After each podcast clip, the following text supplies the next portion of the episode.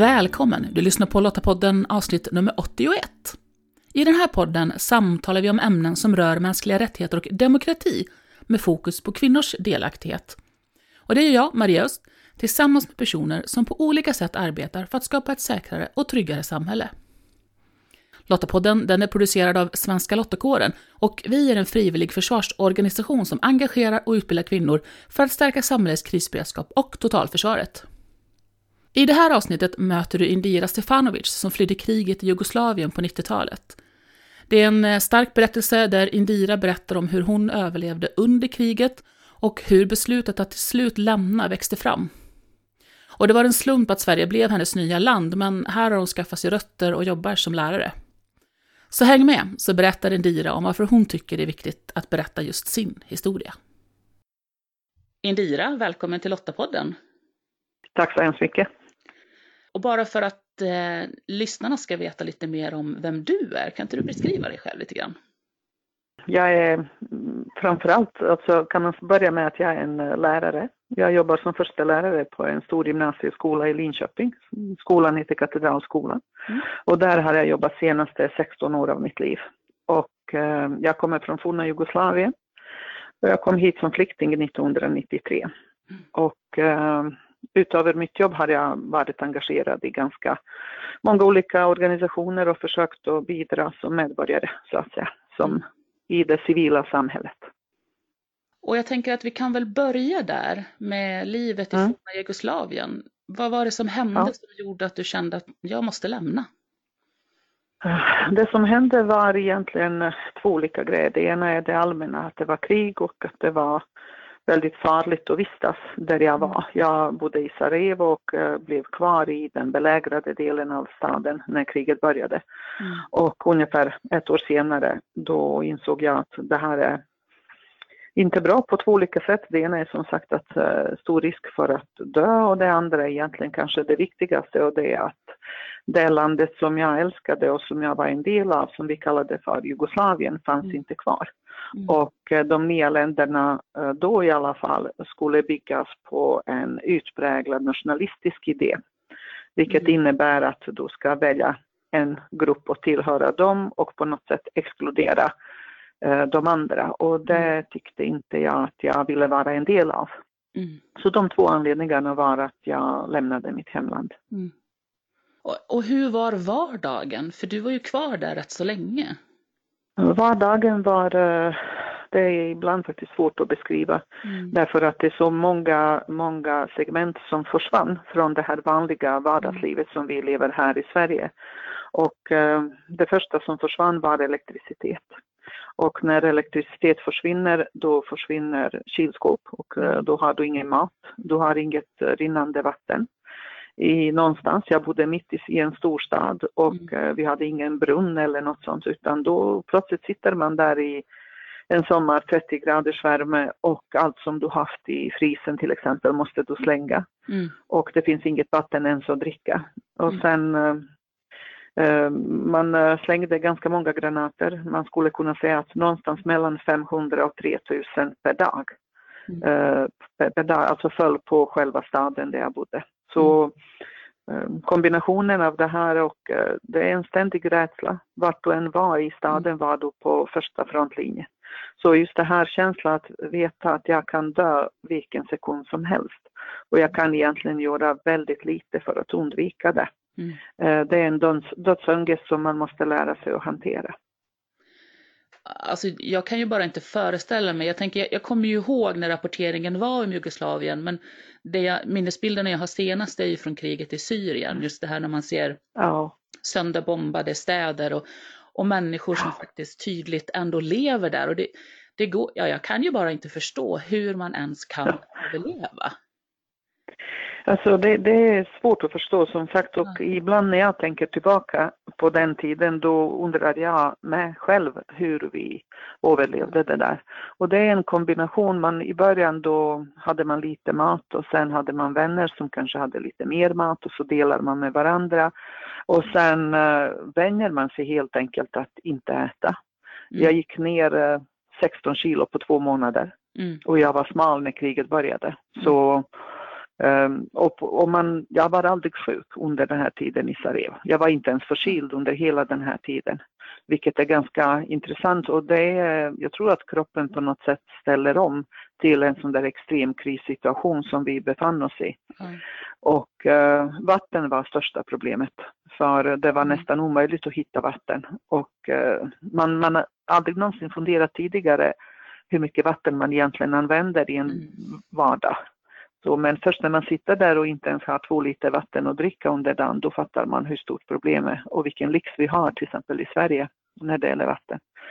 Så det, det var en uh, jakt så att säga. Ibland gick man uh, till utkanterna där det fanns uh, privata villor där folk hade brunnar mm. och då det var förknippat med ganska stor livsfara för de husen var oftast nära uh, skyttegravar där de som sköt på oss låg.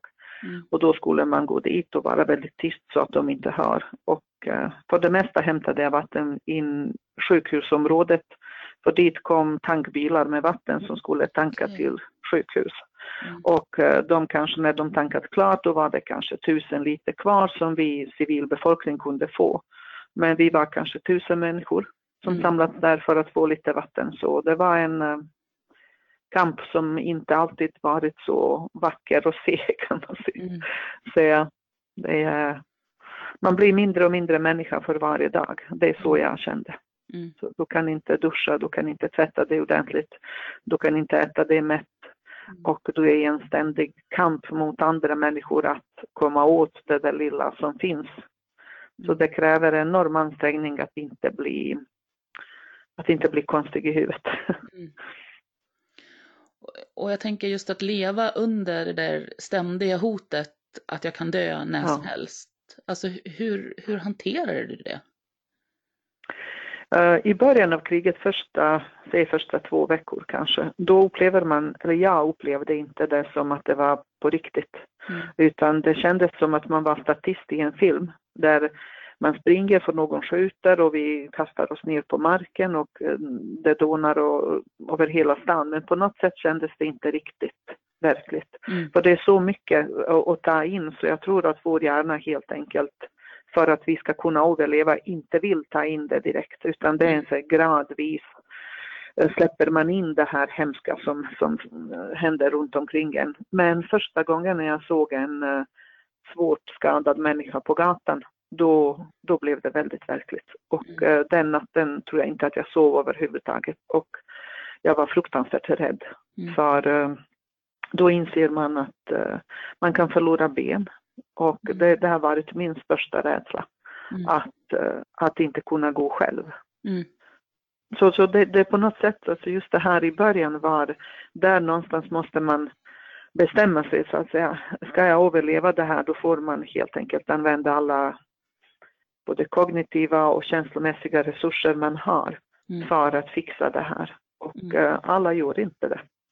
Jag har flera bekanta som inte gjorde det utan som antingen uh, blev fruktansvärt rädda och uh, blev mer eller mindre okontaktbara. Mm. Men de flesta människor gör ändå, alltså klarar av den situationen ganska bra. Jag tror att vi är rustade för att det är någon överlevnadsinstinkt som sätter igång. Just det.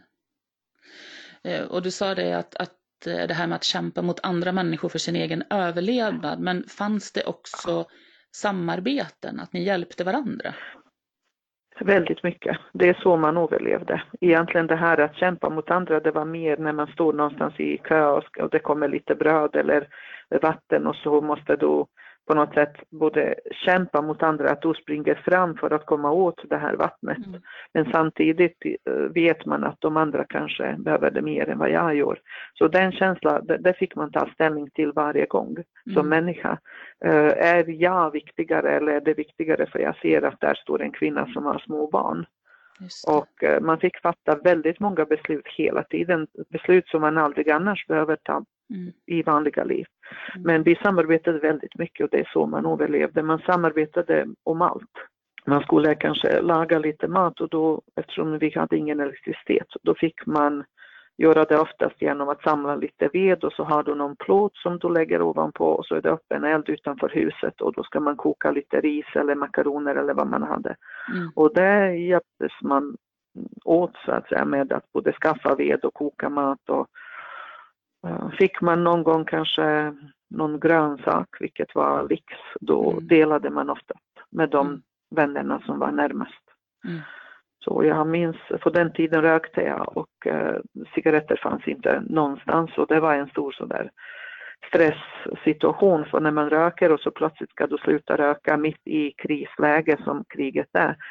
Det var ganska tufft och jag minns en dag då kom en god vän till oss under mycket svår beskjutning den dagen. Han kom och knackade på dörren där jag bodde och så hade han fått en cigarett på morgonen och då kom han hade sparat det hela dagen och tog det till min lägenhet så att vi två skulle kunna sitta tillsammans och röka den här cigaretten. Mm. Så det, är, det finns många exempel på fantastisk godhet som människor visar. Och det är det som bär igenom kriget egentligen. Mm. Men till slut då så kände du, jag behöver lämna för att jag ska kunna fortsätta leva. Hur gick den processen till? Ja. Eh, den processen egentligen började först i huvudet och i mm. hjärtat. För um, jag har varit en uh, övertygad jugoslav och jag mm. läste sex år på universitetet i Jugoslavien och då läste jag språk och litteratur och då läste jag inriktning eh, serbokroatiska, alltså vårt språk och jugoslavisk litteratur. Mm. Så det säger också att jag aldrig någonsin tänkt tanke att bo i något annat land. Utan hela jag var, jag, jag var jättenöjd med mitt land och tyckte att det var vackert land och underbara människor. Så att börja ens tänka tanken att lämna det eh, var en process som mm. för min del tog flera månader. Och när jag insåg att det här landet finns inte kvar, det var en, ett viktigt steg i den här processen. Sen var det konkreta problem, hur lämnar man en belägrad stad? Mm. Jag hade inga pengar så att jag skulle kunna möta antingen några kriminella eller FN-soldater eller något sånt, utan uh, jag skulle, det enda chansen jag hade var att kanske komma på en konvoj som Röda Korset organiserar. Okay. Problemet är att för att komma in på en sån konvoj då krävdes det att du är antingen gammal, mm. svårt sjuk, har små barn eller utländsk medborgare. Och jag var ingenting av det här. Mm. Jag var 26, jag hade inga barn, jag var helt frisk och jag var bosnisk medborgare. Så det var nästan till omöjligt. Men till slut förstod jag att, äh, att jag skulle kanske genom att få falskt intyg om att jag är höggravid Mm. Och att min graviditet är så pass allvarligt eh, att jag kommer att dö, både jag och barnet, om vi stannar kvar. Mm. Så, och då var problemet att hitta en gynekolog som är beredd att skriva ett sådant intyg som kan innebära att om de upptäcker mig att man kanske börjar misstro att jag är någon spion för andra sidan och då kommer den läkare också hamna i fängelse och inte bara jag. Just det.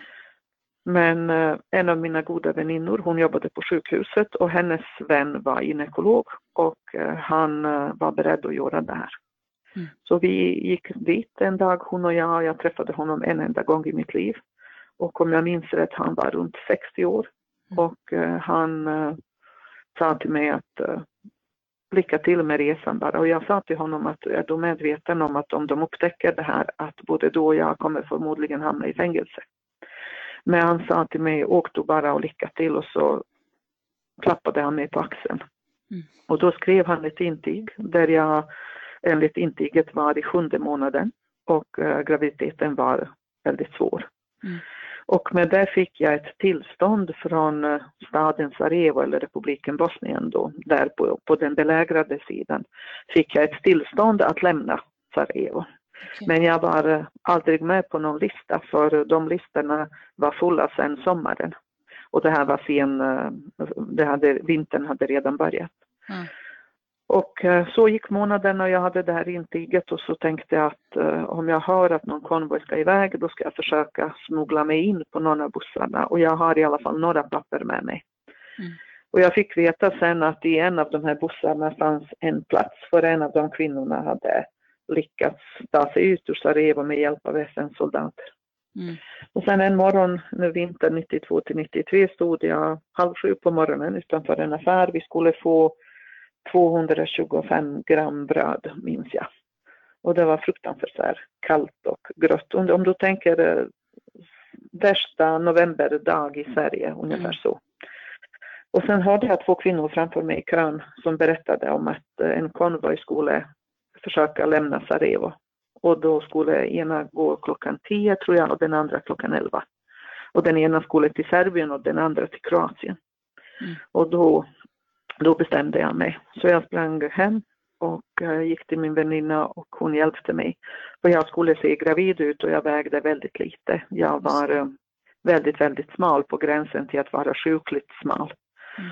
Och uh, då tog jag kuddar från soffan som jag hade i vardagsrummet och tejpade med stora sådana där tejp på magen. Mm. Och sen tog jag en skinnjacka över och en vinterkappa. Mm. Så att jag skulle se någorlunda gravid ut.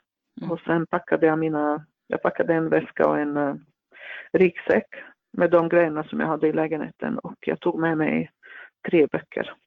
Mm. Och sen gav vi oss av till uh, det stället därifrån konvoj skulle avgå och när vi var där då var det väldigt många människor som hade samlats för uh, det var kanske tusen människor som skulle lämna stan och så tänkte alla de som stannar kvar, deras släktingar eller vänner mm. som inte fick lämna. Så det blev ganska kaotiskt läge ganska snart. Och då insåg jag att där har jag en chans. För soldaten stod vid dörren till bussen och då skulle jag visa och han skulle kolla på listan. Så om han gör allt det här då finns det inte en chans att komma med på bussen. Och då insåg jag att vi väntar lite tills det blir mer kaotiskt läge och kanske en kvart senare då var det så folk skrek och grät och så vidare så det var svårt att hålla ordning på alla människor.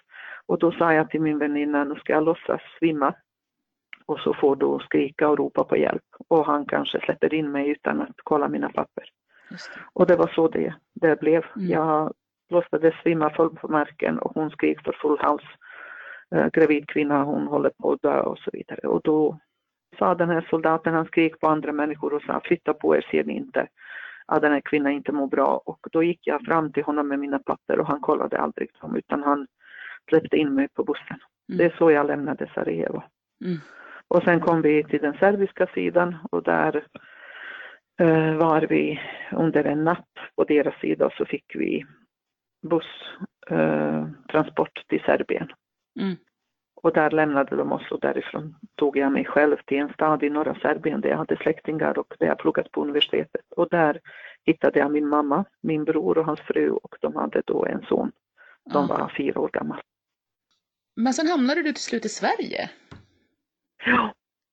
Uh, och den resan är också ganska intressant för när jag kom till Serbien då hade jag fortfarande någon idealiserad bild att att någonstans i forna Jugoslavien kanske finns kvar uh, det här gamla landet där vi alla är välkomna och där vi alla kan leva tillsammans med oavsett vilken nationalitet man har. Och jag just kommer från en familj där min mamma och pappa är från två olika folkgrupper. Mm. Och då när jag kom till Serbien hittade jag ett jobb på en pizzeria två dagar senare. Så jobbade jag från åtta på morgonen till elva på kvällen. Man fick betalt ungefär 40 tyskmark och det är ungefär 300-400 svenska kronor i månaden. Mm. Och man fick i alla fall en pizza per dag och då kunde man klara sig på det så att säga. Men efter några veckor då började jag söka jobb som lärare för jag har toppbetyg från universitetet just i den här staden där jag bodde då. Mm. Och uh, toppbetyg i Jugoslavien innebär att du egentligen kommer före andra när du söker jobb. Okay. Och eh, jag pratade med en rektor som jag kände sedan tidigare, som var god vän till mig. Och han sa till mig att jag kan inte ge dig jobbet därför att du är inte helt serb. Jaha. Och eh, om man ska undervisa i historia och språk, då på den tiden i alla fall vad han sa till mig, då skulle man vara helt serb. Okay. Och då förstod jag att eh, det finns inte plats för, för mig egentligen någonstans i det där landet längre mm. på riktigt, utan jag kommer alltid att vara andrahandsmedborgare på grund av att mina föräldrar är från två olika folkgrupper. Mm. Och då pratade min bror och jag och mamma och då bestämde vi att vi ska försöka hitta ett land i världen där, där det är ointressant vad jag heter och vilken folkgrupp jag kommer ifrån utan mer att någon tittar på vad jag är för människa. Mm. Och då, det var redan 93 och det var mars 93 och då var tyvärr upptäckte vi att när vi åkte till Belgrad, vi gick från ambassad till ambassad. Jag tror att vi frågade i 15 olika länder och alla hade stängt gränser. Okay. de flesta som flydde kom året innan. Så vi har varit, ja, jag kan bara nämna några, vi frågade Italien, Tyskland, Österrike, Storbritannien, Spanien, Frankrike, Holland. Alla de länderna hade stängt mm. sina gränser. Så nästa ambassad var Danmark. Och de sa till oss, ni är välkomna. Om ni har giltigt pass eller ID-kort och kan bevisa att ni är flyktingar från Bosnien är ni välkomna. Mm. Och då bestämde vi oss att försöka ta oss till Danmark och då lånade jag 500 tyskmark minns jag. För bussbiljetten för mig och mamma kostade 400. Mm. Och det lånade jag från en bekant i stan. Och sen satte vi oss på en buss och det var någon organiserad det var någon turistbyrå som organiserade resa till Swinoujscie, en hamnstad i Polen. Och därifrån skulle vi ta färjan till Danmark. Mm. Och eh, vi åkte, jag vet inte, det tog, om jag minns rätt, två eller tre dagar, två hela dygn i alla fall, mm. resa genom Europa. För vi fick inte åka genom Tyskland utan vi fick åka runt så att säga. Så vi åkte, ja, vi åkte först till Ungern och sen till Slovakien, Tjeckien och sen genom hela Polen upp till till Swinoujscie och mm. när vi kom dit då missade vi färjan till Danmark med 20 eh, minuter. Okay. Och jag minns att vi kom i, i hamnen, de hade, eller jag minns i alla fall så att de hade ett höghus i hamnen och högst upp var en digital klocka mm. där det stod 2020, du vet sådana röda mm. siffror. Och färjan gick 20.00. Mm. Och vi satt där i hamnen och där var kanske 300 andra flyktingar från forna Jugoslavien som hade samlats och då fick vi veta att Sverige tar också emot flyktingar. Och nästa färja från hamnen var till Sverige. Okay. Och då köpte vi biljetten och hamnade i Ystad. Så vi missade Danmark med 20 minuter och hamnade i Sverige.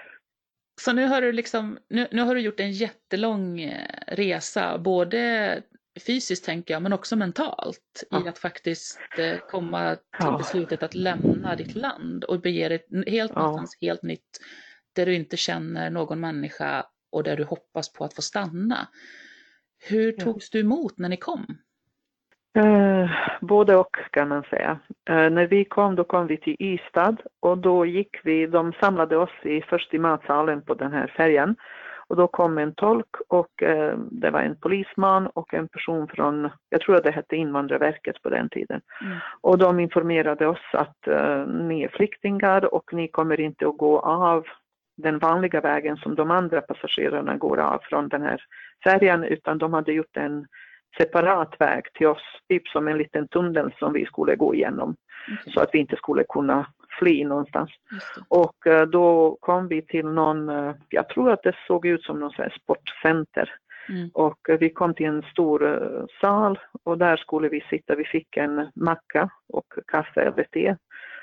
Det var väldigt rent och trevligt och sådär. Men sen skulle vi på första polisintervju och då ropade de upp namn och så fick man gå en och en och sitta med någon polisman och en tolk och ge eh, ja, berätta varför man har kommit och varför man söker asyl i Sverige.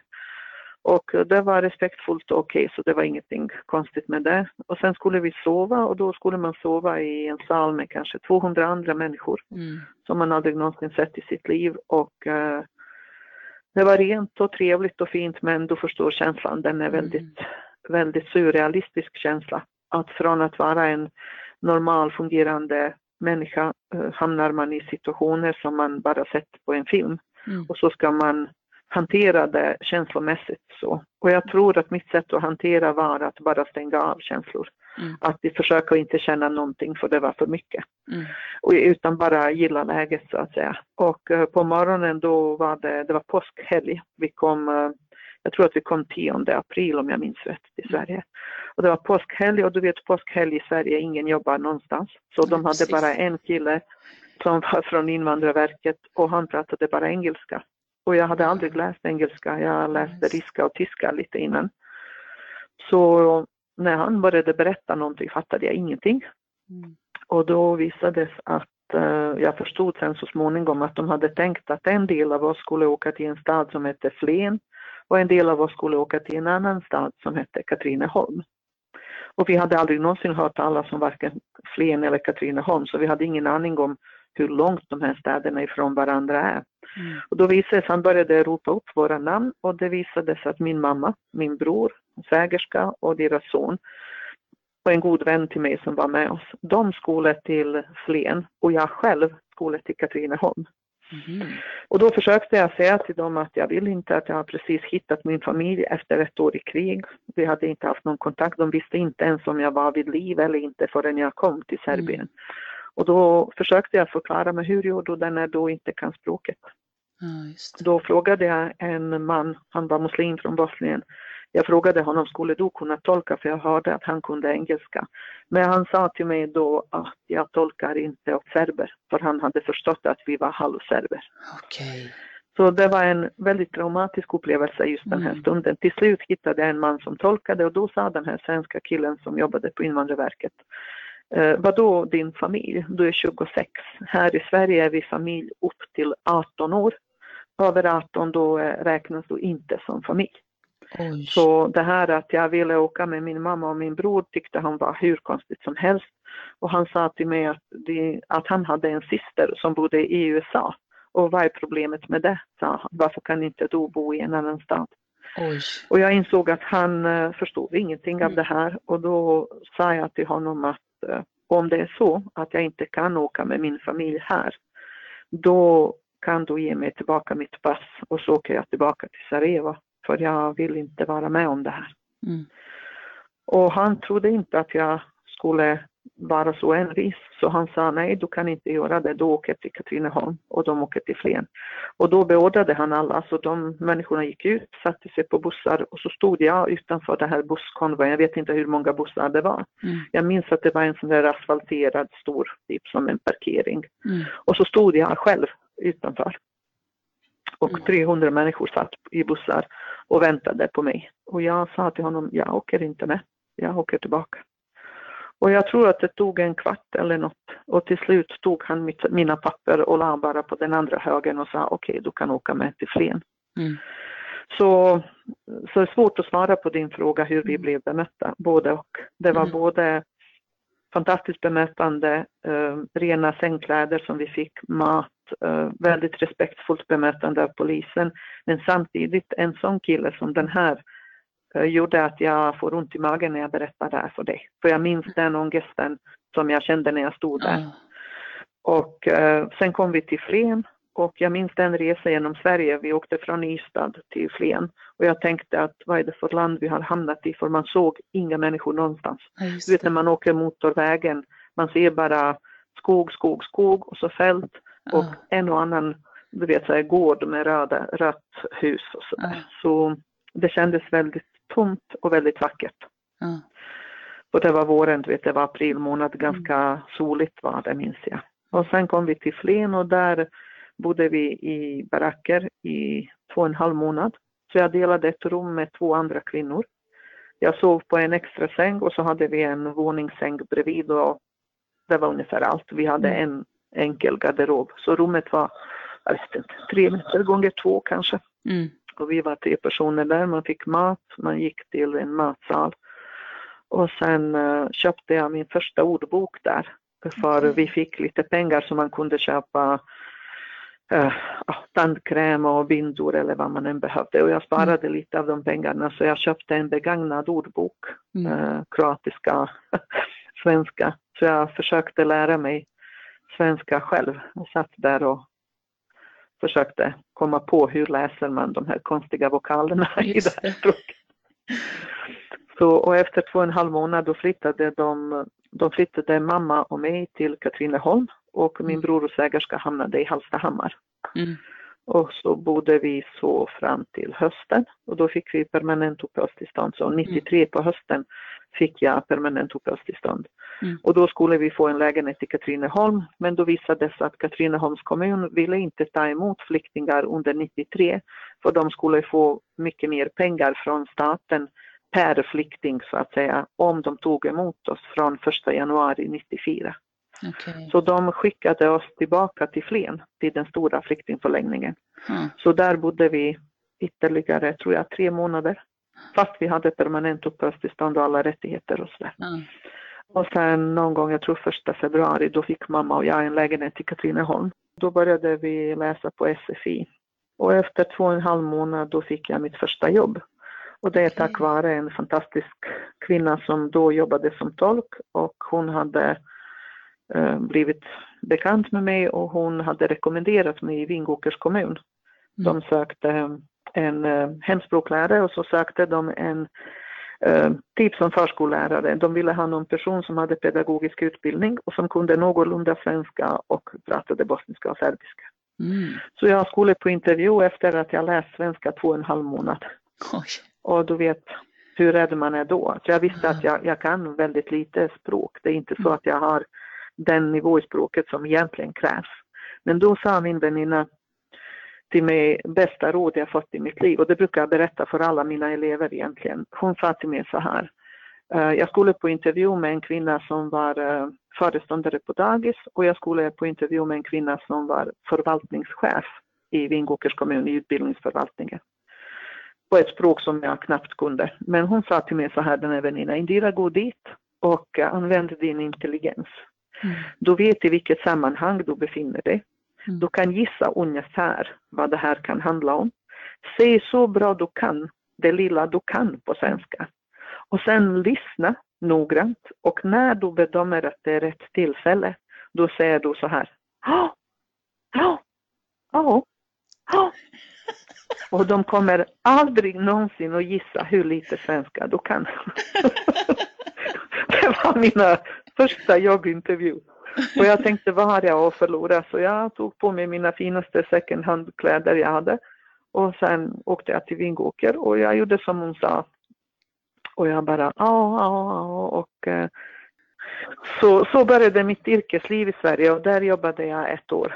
Mm. Och sen efter ett år då bestämde jag mig att plugga på nytt i Sverige. Så jag började läsa på komvux i Katrineholm, läste två och ett halvt år. Så jag läste eh, engelska och svenska där jag behövde religion och samhällskunskap och sen bestämde jag mig att läsa alla möjliga ämnen som jag bara hinner eh, med så att mm. säga. För att få så brett ordförråd på svenska. Så jag läste matte, fysik, kemi, naturkunskap eller vad, allt som jag bara hann med. Mm. Uh, för jag tänkte att om man inte gjorde det då har du stora luckor i språket för när diskuterar man annars till exempel kemi eller naturkunskap eller filosofi. Mm i, i vanliga fall på, på det språket. Mm. Så efter två och ett halvt år då började jag, då bestämde jag att plugga på universitetet. Så jag var i Uppsala och kollade läget där. Och sen tyckte jag att Linköping var lite mer framåt och för mm. mig som invandrare kändes det bättre. Så jag valde Linköping och då började jag läsa. Jag läste statsvetenskap och historia. Mm. Och sen dess har jag läst ungefär sju år på universitetet i Sverige, olika, både Uppsala, Linköping och på Högskolan Gotland. Lite olika ledarskap och socialantropologi och religion och mm. lite allt möjligt. Mm. Så det är min väg så att säga in i Sverige och mm. eh, jag har jobbat som lärare sen, vad kan det vara, kanske sen nästan 20 år sedan. Mm. Och hur var det att möta det svenska samhället? Det var konstigt. Uh, om jag tänker tillbaka på den första tiden, jag minns att vi reagerade starkt på att det var så tomt på folk. Mm. Och eh, när vi var i Flen, om jag börjar med det, vi bodde i flyktingförläggningen som låg bredvid ett väldigt vackert villaområde, väldigt fina villor med stora trädgårdar och perfekt klippta gräsmattor med inga människor. Och idag kan jag förstå också att de människorna måste varit livrädda för oss. Mm. För om du tittar på, på TV och ser vad de människorna till exempel i Bosnien eller Syrien eller var som helst i världen gör mot varandra. Hur ska du mm. då känna dig säker när du har de människorna som grannar plötsligt? Mm. De kanske inte kan lita på att det är vi som har kommit är offer från kriget. Jag förstår att många människor kan känna sig obekväma med det, så jag tror att de människorna som bodde där kanske håller sig mer inomhus än vad de gjorde i vanliga fall. Mm. Och, men för oss var det väldigt tomt och konstigt. Och, eh, annars tyckte jag att landet var väldigt... Jag minns när vi första gången handlade på ICA i Flen. Vi skulle köpa någonting, mamma och jag, toalettpapper tror jag. Och då sa jag till mamma, mamma förstår du vilket fantastiskt land vi har kommit till när de har handtag på toalettförpackningen. Och det minns jag att det var en grej som jag observerat och sa till mamma, de här människorna har inte många stora problem om de har tid att tänka hur ska jag bära toapapper. Jag tyckte att svenskarna verkade vara vänliga och i alla fall de bemötanden, de människor som vi träffade i, ja, du vet som jobbade på Invandrarverket och så vidare i mm. olika sammanhang som vi träffade var oftast väldigt vänliga, mm. eh, dock lite reserverade. Jag tänker nu har vi ju haft eh, ganska nyligen en stor flyktingvåg igen. Eh, ja. Och det är en jättedebatt i media. Men hur skulle du önska att vi som är födda här eh, eller har bott väldigt länge möter nya människor som kommer hit? Det där är en ganska svår och komplex fråga. Ja, mitt svar om jag ska försöka sammanfatta det är att man ska försöka bemöta oss som individer. Mm. Och det, det gör vi sällan. Mm. Eh, vi diskuterar människor som grupper mm. och vi diskuterar lösningar på problem som att en och samma lösning är lösning för alla människor. Och eh, du vet, jag brukar jämföra det som när man går till läkare. Om du skulle gå till läkare och säga jag har ont i foten, fast läkare säger ja ah, du får medicin som hjälper mot huvudvärk. Mm. Och det är ungefär så jag upplever ibland att vi diskuterar invandring. Bara det här att människor ser invandrare vi är mm. två miljoner människor i det här landet som har ursprung i ett annat land. Mm. Och vi är, vad kan det vara, en och en halv miljon kanske som är födda i ett annat land. Mm. Och då brukar jag säga, försök att berätta för mig, vad har jag gemensamt, till exempel med en kvinna som kommer från Somalia eller från Afghanistan. Mm som kanske bott på landsbygden någonstans, aldrig fått chans att gå i skolan. Det, det, är inte så att alla kvinnor från Somalia och Afghanistan hamnar i den gruppen eller så. Men om vi tar en sån mm. kvinna som exempel och mig som är högutbildad akademiker från en storstad i Europa och som är inte religiös överhuvudtaget. Mm. Och då eh, diskuterar vi oss allihopa som att vi är en homogen grupp, vi kommer alla med samma problem och vi mm. kommer behöva samma väg in i samhället. Mm. Det har jag upplevt har varit ett ganska stort problem och vi har blivit bättre på det i Sverige. Vi har gjort uh, differentiella grupper i, på SFI där människor med ja, olika nivåer av utbildningar och så vidare mm. kanske går tillsammans. Men det är lång väg kvar. Mm. Och när vi diskuterar i media, när människor diskuterar på Facebook eller var man än diskuterar, då är det ofta så att människor slänger sig med begrepp invandrare utan att egentligen någonsin reflekterat hur uh, fruktansvärt heterogen den gruppen egentligen är. Mm. Så om vi, vi, skulle vinna mycket på att försöka se oss som individer och sen är det så att vissa människor behöver kanske uh, lära sig uh, demokrati. Mm. Man behöver lära sig vad innebär det att leva i Sverige. Mm. Uh, man behöver lära sig att här får du inte slå barn. Här mm. är kvinnan lika mycket värd som mm. mannen. Här är det frihet att säga vad man tycker och tänker och så vidare och så mm. vidare. Det är inte en självklarhet i resten av världen. Och i många länder därifrån eh, flyktingar kommer är det ganska stora problem med det. Så man måste parallellt med den här hjälpen att få en bostad och börja lära sig svenska och ställa krav på invandrare att kanske börja försörja sig själva så fort som möjligt. Mm. Man måste också väldigt mycket satsa på värdegrundsfrågor. Mm. Uh, och uh, det minns inte jag att jag fick överhuvudtaget. I, i, I och för sig min väg var lite snabb, så att mm. säga.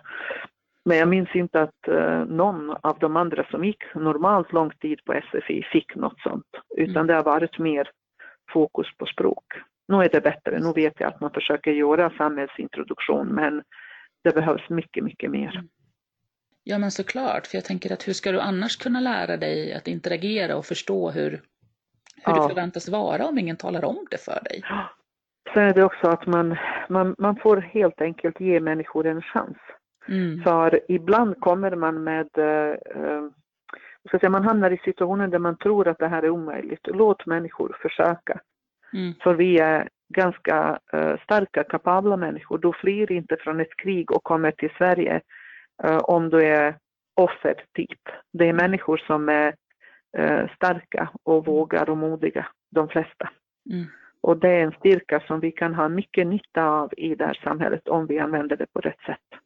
Menar inte att alla invandrare som kommer är helt fantastiska och underbara. Det är självklart att i den stora gruppen, precis som i alla andra grupper i världen, kommer då hitta någon människa som är lat eller kriminell eller vad man än är. Mm. Men eh, det är en väldigt liten del av den gruppen och mm. de får man helt enkelt hantera på det sättet som man hanterar alla andra i, som inte sköter sig så att säga. Mm. Men eh, det, det, är väldigt svårt att leva som invandrare och hela tiden egentligen behöva bära skulden som en liten, liten bråkdel av oss allihopa mm. är skyldiga till. Mm. Medan vi alla andra ska bära den här skulden hela tiden. Och uh, att jag 26 år senare måste förklara jag har aldrig begått något kriminellt i mitt liv. Mm. Utan jag bidrar väldigt mycket till det här samhället. Mm. Jag ska inte behöva göra det, jag ska inte behöva ens känna det. För jag är en människa precis som alla andra. Men det, det, är, det är inte bara problem i Sverige, det är ett mänskligt problem över hela världen. Mm. Det handlar mycket om rädsla och det handlar mycket om att det finns en idé att jag har mer rätt att bo här än vad någon annan har mm. för att mina farfäder kom hit tidigare. Så, och man måste ha respekt för den känslan men uh, respekt är ordet så att säga åt båda håll. Både att invandrare respekterar Sverige och är tacksamma för den hjälp man fått. Det är jag verkligen. Och jag brukar alltid passa på när jag föreläser i, runt om i Sverige att säga tack. För att uh, hade inte Sverige öppnat dörren då 93 när jag kom, då vet jag inte riktigt var jag skulle tagit vägen. Mm. Så det finns en tacksamhet som uh, är livet, uh, livet ut så att mm. säga. Mm. Och Endira, tack till dig att du ville vara med och berätta din historia för oss. Varsågod. Varsågod. Tack att du ville lyssna på det. Vad tänker du nu när du har lyssnat på Indira? Visst är det en historia som är viktig att berätta och inte glömmas bort? Det finns så mycket hopp i den också, även om den naturligtvis har sin rot i en, en massa elände. Eh, men just inställningen Indira hela tiden har haft, att hon vill bli en del av sitt nya hemland och verkligen har gjort allt för att nå det målet. Och det tänker jag att de flesta som flyr har. För mig så finns det också väldigt mycket i Indiras berättelse att lära, inte minst av hur vi kan förbereda oss för en långvarig kris. Länk till mer information relaterat till det vi samtalat om i det här avsnittet, det hittar du på lottapodden.se. Och vet du, att mötas för ett säkrare Sverige, det har aldrig varit viktigare och Lottapodden är därför stolt över att även denna gång vara ambassadör för Mötesplats samhällssäkerhet som genomförs 19-20 november. Och mötesplatsen, den är för dig som jobbar med frågor som berör samhällets säkerhet, krisberedskap och totalförsvar. Och det är en möjlighet för dig att fortbilda dig, knyta nya kontakter och utveckla ditt arbete. Vi ses väl där? Och om du, precis som Svenska Lottakåren, tycker att fred, demokrati och mänskliga rättigheter är värda att försvara och vill engagera dig för ett säkrare och tryggare samhälle, ja men gå då till svenskalottakåren.se. Där hittar du information om hur just du kan bidra. Nästa avsnitt av Lottapodden det kan du lyssna på om två veckor den 28 november. Så för att säkerställa att du inte missar nästa avsnitt, prenumerera gärna på Lottapodden. Du hittar podden bland annat i Apple Podcast, Podbean eller på Spotify. Och om du gillar Lottapodden, berätta gärna för andra om den. Och så blir vi såklart jätteglada om du lämnar en recension så att fler kan hitta oss. Och tack för att du lyssnar. Hej så länge!